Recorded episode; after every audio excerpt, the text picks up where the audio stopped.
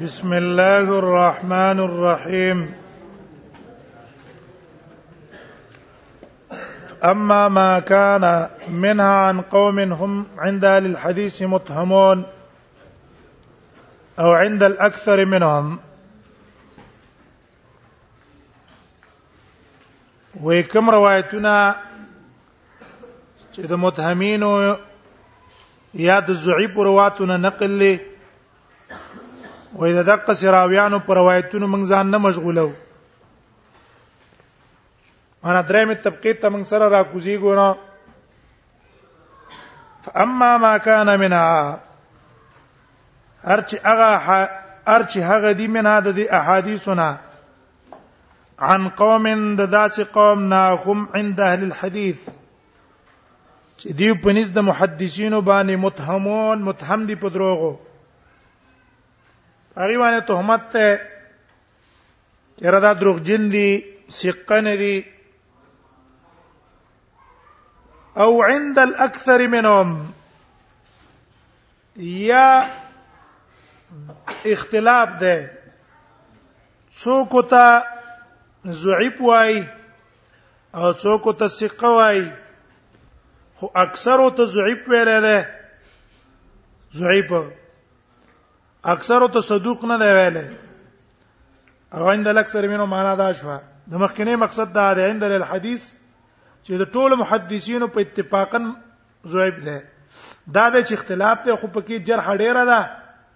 او توثیق والا کم دي جارحین ډیر دي موثقین کم دي عند الاکثر منهم فلسنا نتشاغل بالتخريج حديث ام نو نه منګه نتشاغل چې ځان په مشغول کو به تخریج حدیثهم پر اورلو دا غي د حدیثونو دغه کسانو حدیث مونږ په کتاب کې نه راوړو ځکه ضعیف راویان دي اکثر ته ضعیف ویل دي مثال څنګه ده ک عبد الله ابن مسور مسور ابي جعفر المدائني لکه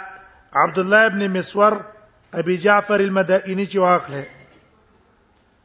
زعيب ده علماء په نسبانه دارنګ عمرو ابن خالد عمرو ابن خالد داش اولنې چې کوم ده دښوا هغه هم ضعیف دی د علماو په نسبت باندې مسور ټیک شو او عبد القدوس الشامی شامی او تذکوی دا نسبت ته شام ته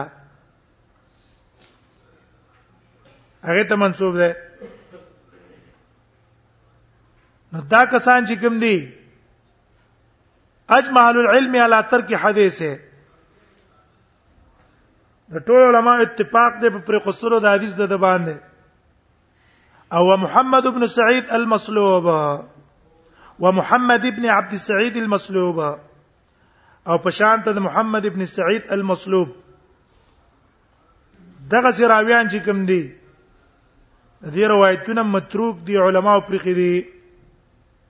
چاته نقل نه کړه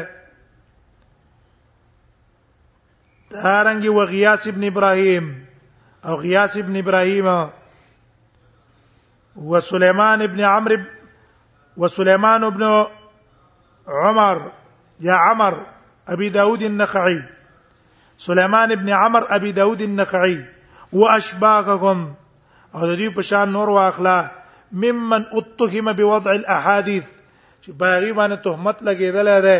چې دیو به د ځان نه احادیث جوړول ول تولید الاخبار او د جوړولو د احادیثو ځان نبی احادیثونه جوړ کو نبی سلام ته منسوب کول د دې روایتونه موضوع دي وکذالک دغه شان منګه نه مشغولېګو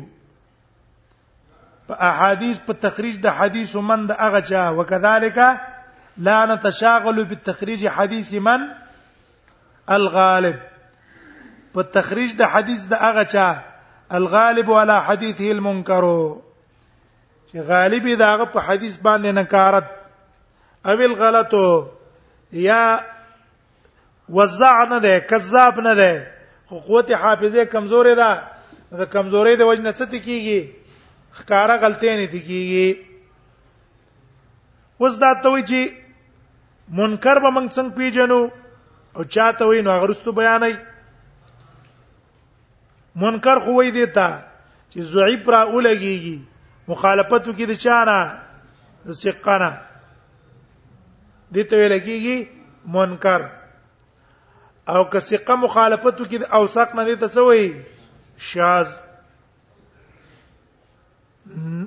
امسکنا ایزنن حدیثهم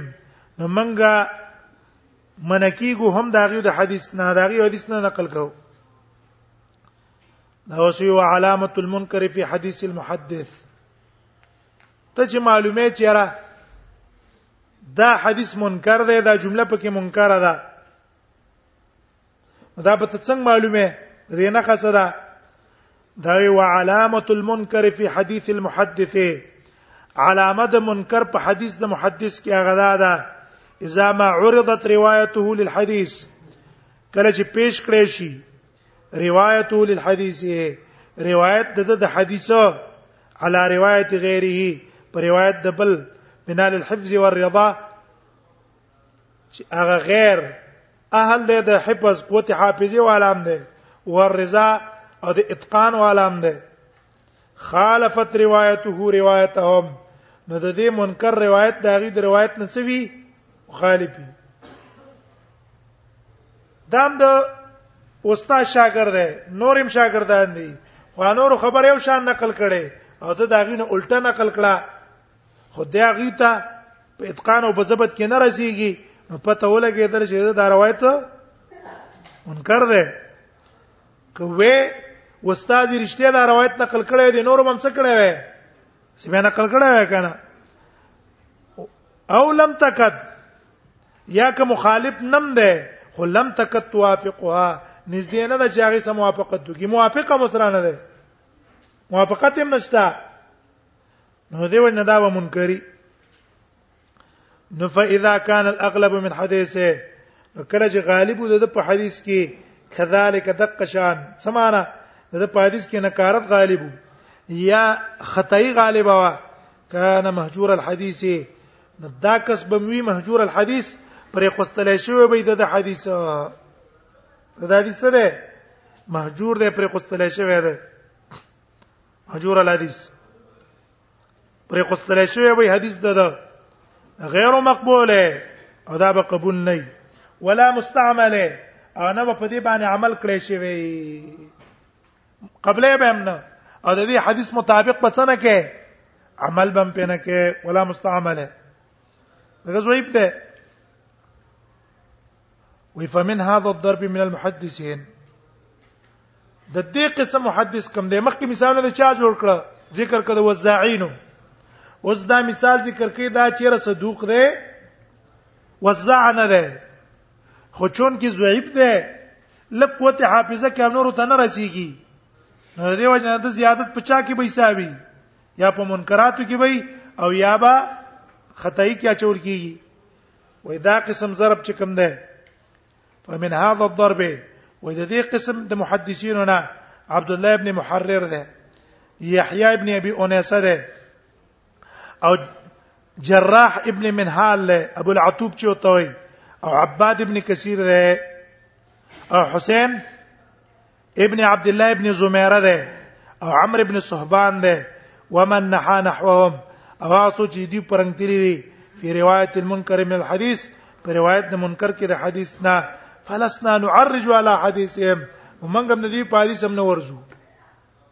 دی حدیث باندې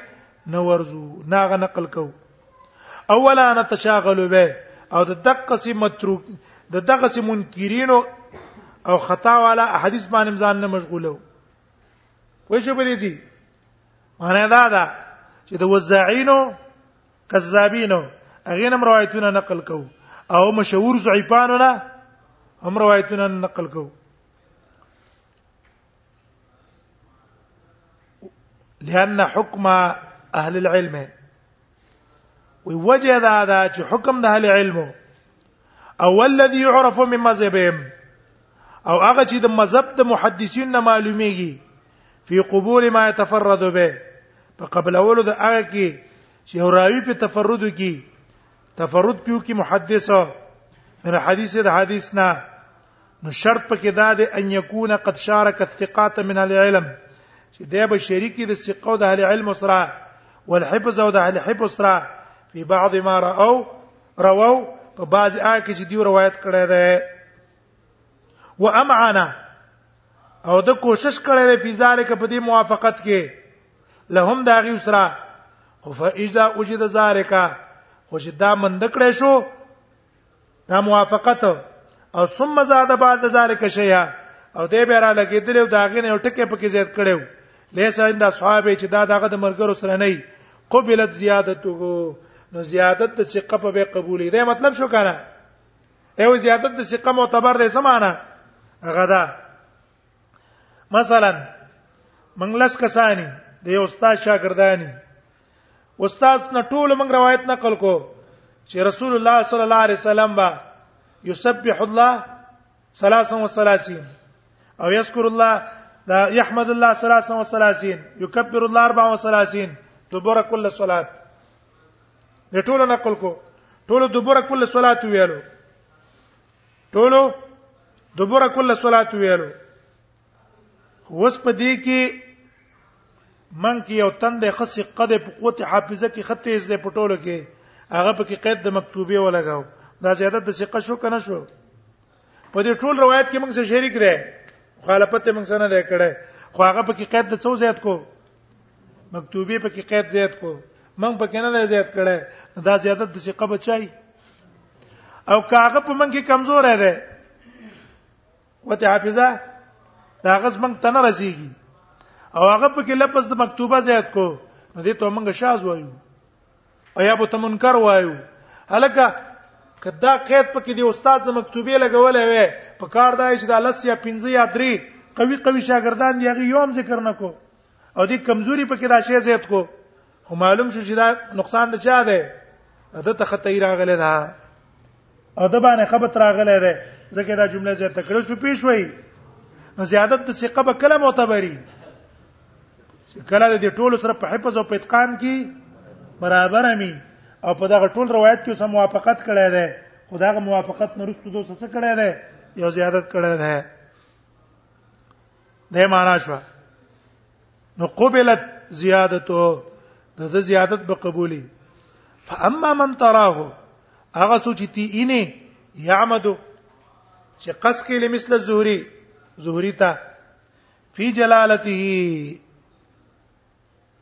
سره د جلالت نه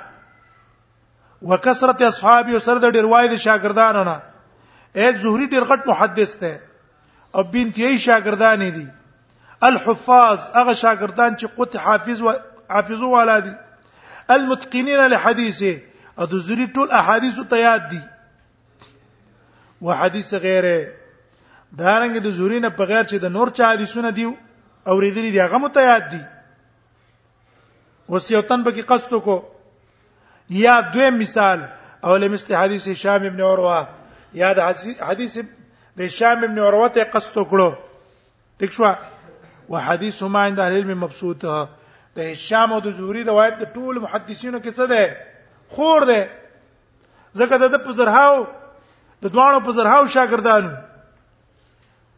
مشترک او مشترک دی قد نقل اصحابهما عنهما نقل کړه دی د دیو شاګردانو عنهما د دې دوانو نه حدیثهما د دیو دوانو حدیث على الاتفاق منهم في اکثره سره د اتفاق نه پاکثر کې پاکثرو کې دیو څه ده